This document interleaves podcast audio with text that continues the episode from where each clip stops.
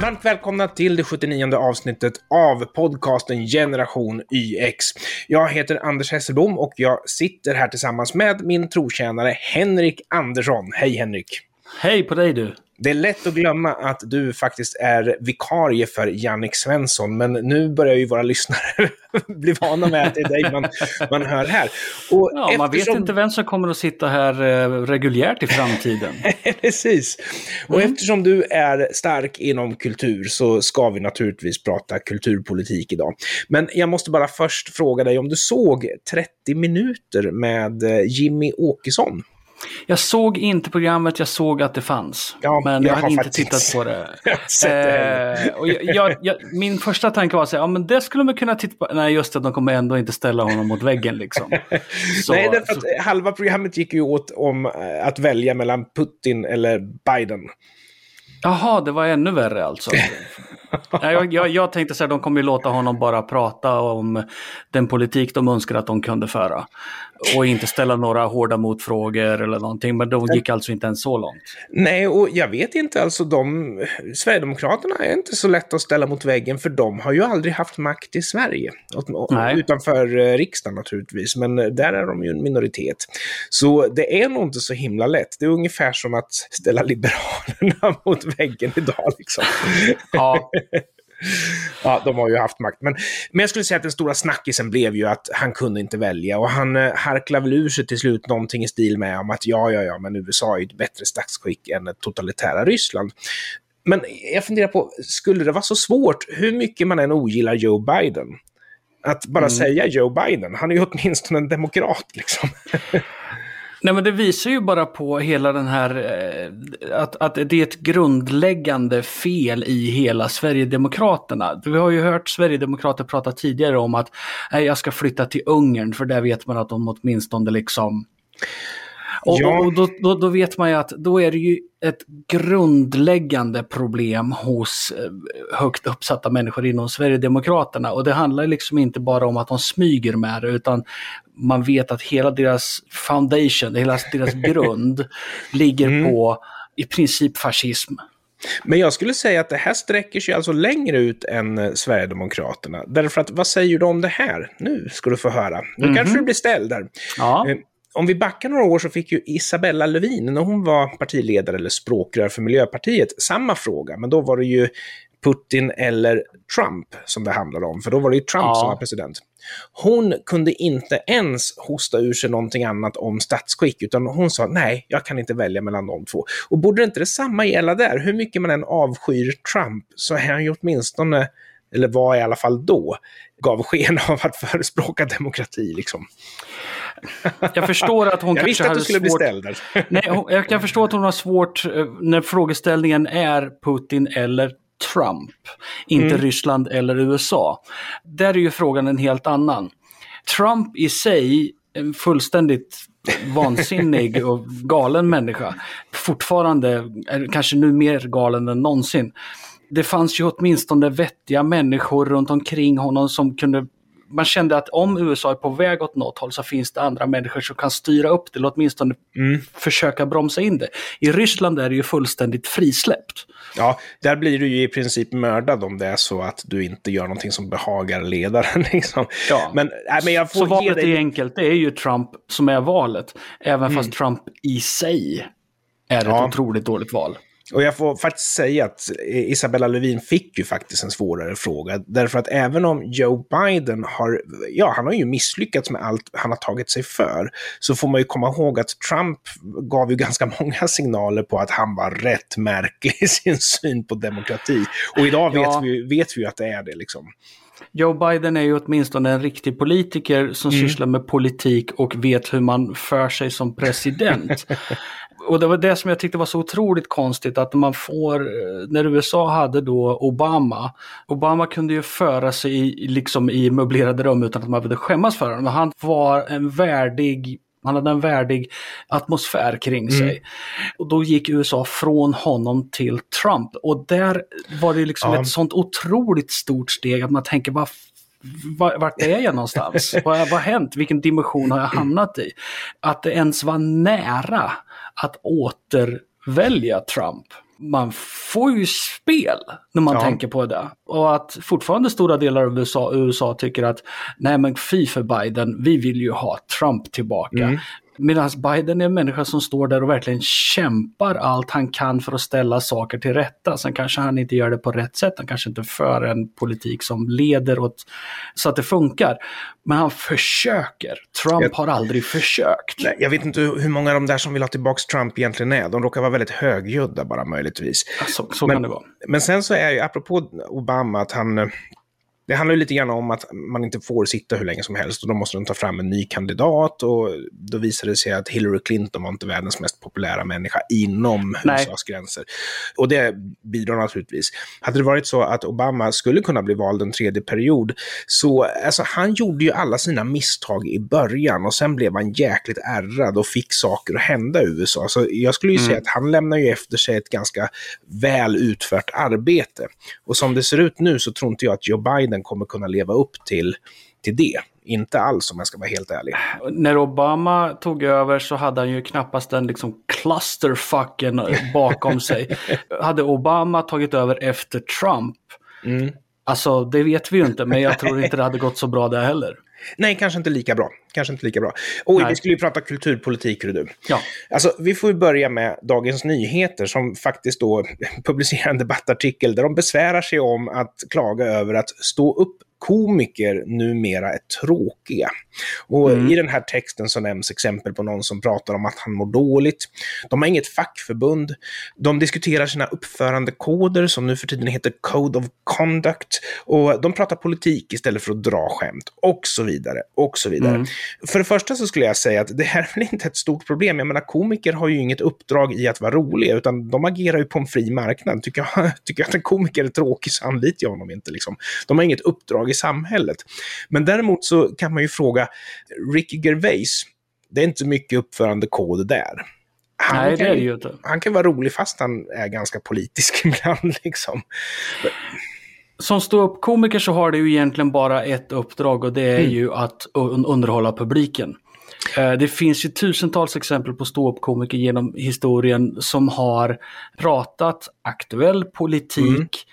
Men det handlar fortfarande om att göra det på åtminstone ett sätt som engagerar publiken. Ja. Och om publiken kommer dit för att dricka tre öl och garva, mm. då är det ju lite svårt att, att, att vara seriös, vara allvarlig. Om du inte redan har ryktet om det. Du kan ju ta Lenny ja. Bruce. Det var ingen som gick och såg Lenny Bruce för att få fisskämt liksom. eh, jag tror att det som problemet var, eller som, som debattartikeln egentligen handlar om, var ju det att uh, ståuppkomiker i allmänhet inte satsar på skämt utan vill kommentera samtiden. Uh, de, de vill få sin publik att tänka efter, men jag tror mm. att, och det, och det, här var ju också, om jag får hänvisa till Ricky Gervais ibland, att liksom, ni vet ju inte mer om verkligheten än de som sitter i publiken. Vad, vad är det som säger att just ni är så lämpade för att få folk att tänka?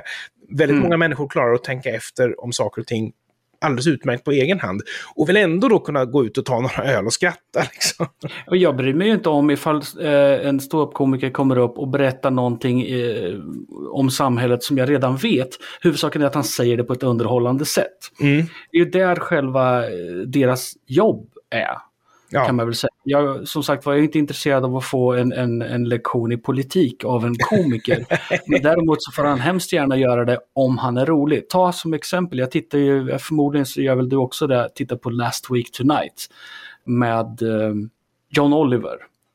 Och där har du ju det som, ja Daily Show var väl det som egentligen bara, Daily Show med John Stewart var väl det som gjorde det stort. Det här med eh, nyheter som underhållning jag lär mig ju jättemycket saker och sen samtidigt så är det enormt mycket fisskämt hela tiden. Det är ju så jag vill få nyheterna serverade. Vi har ju det här, det heter det Sveriges mm. Nyheter också på SVT. Ja, ja, precis. Jag tror att det är väl typ John Oliver de har som förebild där, skulle jag kunna tänka mig. Ja, mm. Men om vi stannar kvar vid kulturpolitiken så kanske du känner till att Stina Oskarsson eh, gjorde en katastrofal intervju med vår nya kulturminister, Jeanette Gustavs dotter. Och inte så att intervjun var dålig, utan det är att kulturministern visste ingenting om kulturpolitik och kunde inte prata om sina visioner eller någonting. Surprise! Och nu går Stina Oskarsson ut. Hon jobbar alltså på Svenska Dagbladet och är journalist där, väldigt skicklig. Hon går ut och säger att kulturministern hade bett om att få frågorna skickade till sig i förväg och fick det. Så hon hade liksom haft alla möjligheter i hela världen att bingoogla ett svar på Altavista eller något sånt där. Men inte ens det. Ja. Det var prat om mänskliga rättigheter, ju... yttrandefrihet och alltihopa det där. Då visar ju det på eh, en, ett förakt för sina väljare. Ingenting ja, annat. Man är på jakt efter titeln och ämbetet. Det, det, känns ju som att det är det. Och det ironiska mm. är ju att yttrandefriheten, den stärks ju, skulle jag säga, av att vi inte behöver ha en kulturpolitik. Jag menar yttrandefriheten i Sverige, låt säga nu att filmindustrin skulle kunna klara av att stå på sina egna ben utan bidrag från Filminstitutet. Mm. Ja, då skulle ju yttrandefriheten vara större, för då skulle inte Filminstitutet kunna bestämma vad folk ska och inte ska göra för filmer. Så, så jag menar, kulturpolitiken är ju i sig en begränsning av yttrandefriheten, skulle jag säga. Det, det, finns, alltså det där kan man ju prata om i, i tusen år, men det är klart att en svensk film som verkligen flörtar med publiken skulle kunna dra in tillräckligt med pengar på egen hand för att finansieras. Det görs ju inte därför att vi är inkapabla att göra filmer som verkligen flörtar med publiken. Därför så måste du göra eh, generisk skidåkarkomedi som kommer ut lagom till sportlovet med hjälp av eh, statligt finansierade bidrag. Det är det enda vi kan göra, det och Beck-filmer. Ja, Sune-filmer. Ja, Sune-filmer, men de är väl förmodligen ganska ordentligt sponsrade av staten de med. Ja, ja, gud ja, de också, definitivt. Ja, det är konstigt för jag vet att Sverige har folk som kan skriva jävligt bra manus. Vi har extremt kapabla producenter och regissörer. Vi har extremt kapabla skådespelare. Mm. Lik förbannat så är det samma skådisar som spelar samma skit om och om och om igen. Och så fort någon har en riktigt bra idé så drunknar det mm. någonstans. Det finns bra film som får bidrag, det är jag helt säker på, men de syns inte. Nej. Därför att marknadsbudgeten, marknadskanalerna, de kostar nästan mer än filmerna och mm. de tillhandahålls inte. Men sen så tror jag också att vi kan inte ducka för det här med tiden. Alltså att eh, tittar vi på Korpen flyger, jag minns inte hur bra den var, men jag har för mig att den var rätt okej. Okay. Mm. Den gjordes ju lite grann under annan tid, men med eh, offentliga medel som finansiering. Och så tittar vi på USA, det är ju en mycket större marknad, men där är ju filmbranschen helt oreglerad. Men då har det ju börjat bli självreglerande där, därför att jag skulle säga att Hollywood gör inte heller lika bra filmer som de en gång i tiden gjorde. Det kan mycket väl vara, alltså generellt sett så, så eh, Ja, man känns... Blade Runner är ju en fantastisk film och så tänker du på Sunes sommar. Ja visst, den är småkul men det är inget konstverk liksom.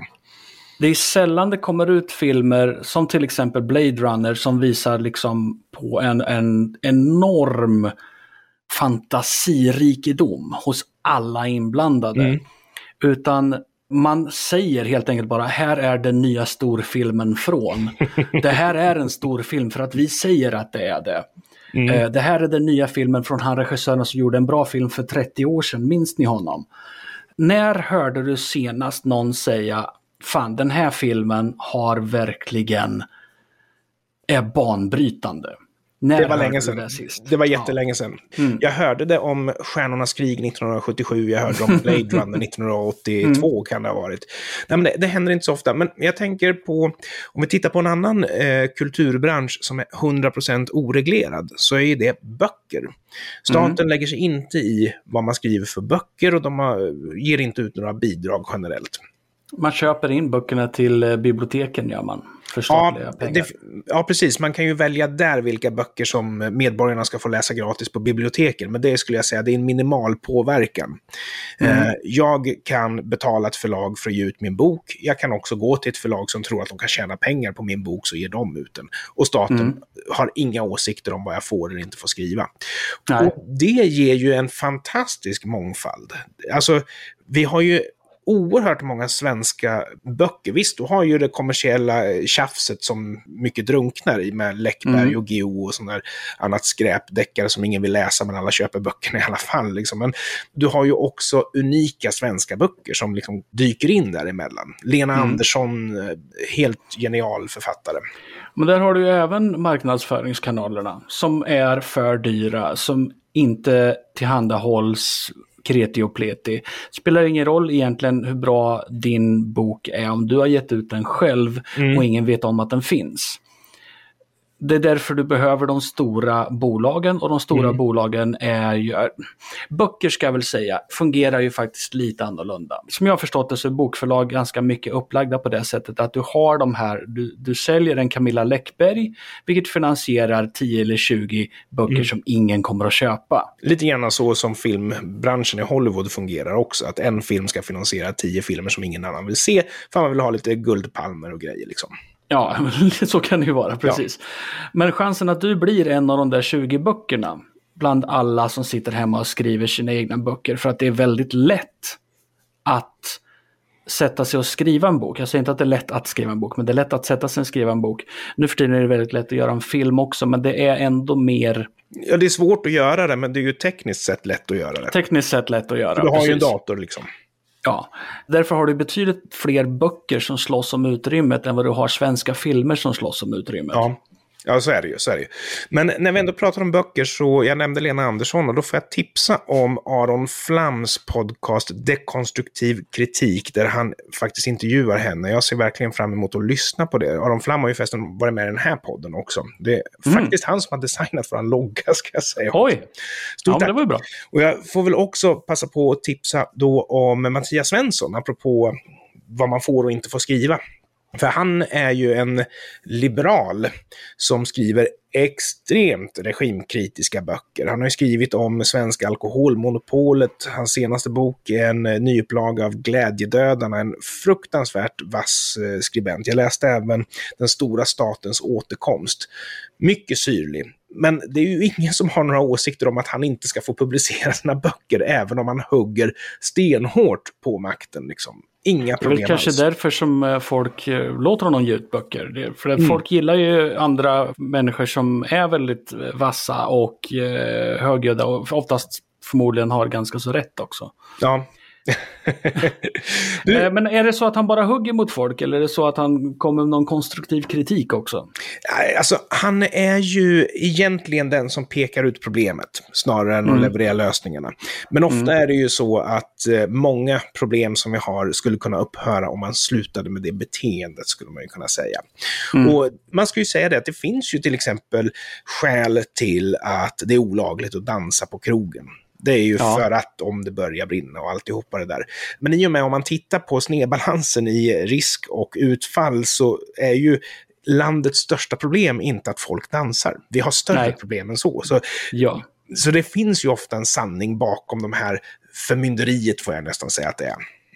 Ja, alltså det mesta upp, sådana här eh, regler och lagar, de uppstår ju inte ur ett vakuum bara sådär. Nej. Men det, det, kan ju skjuta snett och tiderna förändras. Det, ja. Vi, du har ju, ja, brukar... kanske inte den här podden, men du brukar ju dra upp det här med flipperspelsautomater. Exakt i, vad jag tänkte som, ta upp, men du förekom mig. Så, ja, men det är för att det du, du brukar ta upp. Och det är ju mm. det där med att du får inte, du måste helt enkelt ha tillstånd för att få ha ett flipperspel eller ett Pac-Man-spel. Mm. Eh, för att varför? Och du ska betala moms på 5 kronor du stoppar in där och du ska betala en avgift till Spelinspektionen som ska kontrollera att det verkligen är ett Pac-Man-spel och inte ett förklätt pokerspel. Liksom. Ja. ja du ser Samtidigt så står det då eh, Jack Vegas automater precis fucking överallt. men inte en enda Pac-Man. På den tiden det var lagligt med eh, enarmade banditer, alltså eh, spela för pengar, stoppa i en krona och kanske vinna en 50-lapp eller sånt där. Mm. Då stod det betydligt färre maskiner ute än vad det gör nu när det är olagligt och bara staten får ställa ut dem. Ja. men jag tror att eh, Jack Vegas, eh, det är en strategi för att konkurrera med nätkasinorna antar jag. Det är väl därför som de ställer ut så För Jack Vegas alltså statliga maskiner. Men mm. förr så var det alltså tillåtet i Sverige att ha enarmade banditer, alltså ställa ut egna maskiner. Men eh, okej, okay. pengar är ju alldeles utmärkt tema att gå ut med skulle jag säga. Till att börja med så har vi advokat Neo Barstedt som alltså tar 2,5 miljoner kronor i ersättning för att han har 300 meters resväg mellan kontoret och ja. rättssalen. Och då kan man tänka, det är ju bara skattemedel så det är väl okej. Okay. jag läste inte själva artikeln, men som jag förstod det så hade han eh, myglat till sig det där. Han hade inte gjort rätt. Han, hade han följt reglerna och fått det där? Han hade så att säga tänt lite grann på reglerna, men, eh, han, eh, men ja, de hade ju godkänt det till slut då, de här mm. pengarna. Och det kan man ju tycka också att det är ju lite grann tjänstemännens ansvar att bedöma rimligheten i att om du måste gå 300 meter ibland så ska du ha 2,5 miljoner kronor för det året i extra ersättning. Liksom. Det skulle ju aldrig du och jag få. Och vi har Nej. ju blivit längre än 300 meter till jobbet. Liksom. Alltså har de godkänt det, då, fine, då är det inte hans fel. Och jag säger inte att han ska vara återbetalningsskyldig, men man kan ändra beslut. Ja, och man kan göra bättre beslut i framtiden åtminstone. Mm. Mm. Sen en grej som jag kan bli lite irriterad på. Nu skruvar vi upp beloppen lite grann. Det är att Centerpartiet, de, nu när det närmar sig val, de vill ge en miljard bidrag till Sveriges bönder. Och det det är jättebra för Sveriges bönder har det inte lätt nu för tiden med dyr el och dyr bränsle och sådär. Så de, de går back och de behöver allt stöd de kan få. Mm. Men ett system som inte fungerar kan vi ju bara ha kvar om det är så att vi ger bidrag för att de ska kunna leva vidare i det här systemet som inte fungerar. Mm. Vi måste ju ta fram billig el. Liksom. Mm. Det är så frustrerande och det är så, det är så självklart varför det är frustrerande också. Mm. Det är väl kanske en snabbare åtgärd att ge folk bidrag om man ämnar att sänka skatterna. Mm. Vilket är en längre process. Därför så tänker jag att fine om ni nu ämnar att sänka skatterna, men det mm. känns inte som det är på väg att vi är på väg dit. Nej, och det starkaste argumentet som jag har hört mot att till exempel sänka energiskatt eller vad det nu kan vara för någonting är att, eller bränsleskatt kan vi ta som exempel, är att ja men då kanske det bor någon rik knös i Östermalm som eh, får billigare att köra med sin bensinslukande SUV eller dieselslukande SUV. Något sånt mm. Men jag kan ju känna att jag blir inte jättehårt drabbad av någon annans välstånd det är väl snarare så att, eh, att, att det går att, att bli rik på arbete i Sverige. Det är ju ett gott betyg skulle jag säga. Ja, jag, jag, jag, kan bara säga att jag tankade bilen för nästan 20 kronor liten här, häromdagen. Mm. Och, eh, jag beklagar verkligen. Ja, De pengarna kunde man haft roligare med. Ja, för det känns inte som det är särskilt länge sedan som man sa, gud vad dyrt det är med 16 eller 17 kronor liten. och man satt och moraliserade över, ja, kommer du ihåg när bensinen gick över 10 liksom? Då skulle alla sluta köra bil. Men jag tror ju som sagt att, att eh, folk kommer att köra vad det än kostar. Så det är synd om de som då driver egna bolag med små marginaler som också ska betala de här höga mm. priserna för energin liksom. Och sen kommer det då förslag på att man istället ska höja skatterna för att kunna få in mer pengar för att folk då eventuellt tankar mindre eller vad det nu motivationen är. ja, så att man då sen måste ge folk bidrag så att, ja. Ja, men äh, du har ju precis det där också. För kilometerskatt på elbil, energiskatt på solceller. Alltså, mm. om det nu är så att man vill att folk ska köra med solceller, då ska man väl inte helt plötsligt lägga på en skatt där och göra att investeringen blir ännu svårare att få tillbaka. Du, vi tar det högsta beloppet innan vi går ut och det ja. är under eh, regeringen Löfven så beviljade Sverige 8 miljarder kronor i bidrag till organisationen FN. Nu när Stefan Löfven inte längre är statsminister så blir han erbjuden ett toppjobb. Han ska leda en panel om globalt samarbete är det så lämpligt att han tackar ja till det när han har varit statsminister under en regering som har gett så pass mycket bidrag till FN? Luktar inte det muta då? Han borde hade varit åt andra hållet. Ja. Eh, om man först hade varit i FN och sen blivit statsminister och gett pengar till FN. Det hade det varit hade tveksamt det också. Det hade varit otroligt tveksamt. Ja, ännu mer tveksamt alltså. ja, i det här fallet Nej, jag säger det och jag säger att han kan ta den positionen. Jag tror dessutom inte att han kommer att göra det jobbet särskilt bra. Så att... så de... Nej, det behöver de väl inte göra om det nu är så att de är imponerade av skattepengarna. Okej, okay, men där, på den punkten skiljer vi oss får vi alltså säga. Ja. Då vill jag tacka både dig Henrik, det är alltid ett nöje att ha dig med i programmet för att du ville vara med. Ja, men det är alltid ett nöje att vara med i programmet för att jag är inte van vid att prata om sådana här saker som händer i verkligheten. Tuffa ämnen. Och stort tack till våra lyssnare och är det så att ni vill ha mer information om hur ni hittar oss så rekommenderar jag att besöka www.genyx.se. Stort tack för att ni lyssnade. Hej då! Adjö!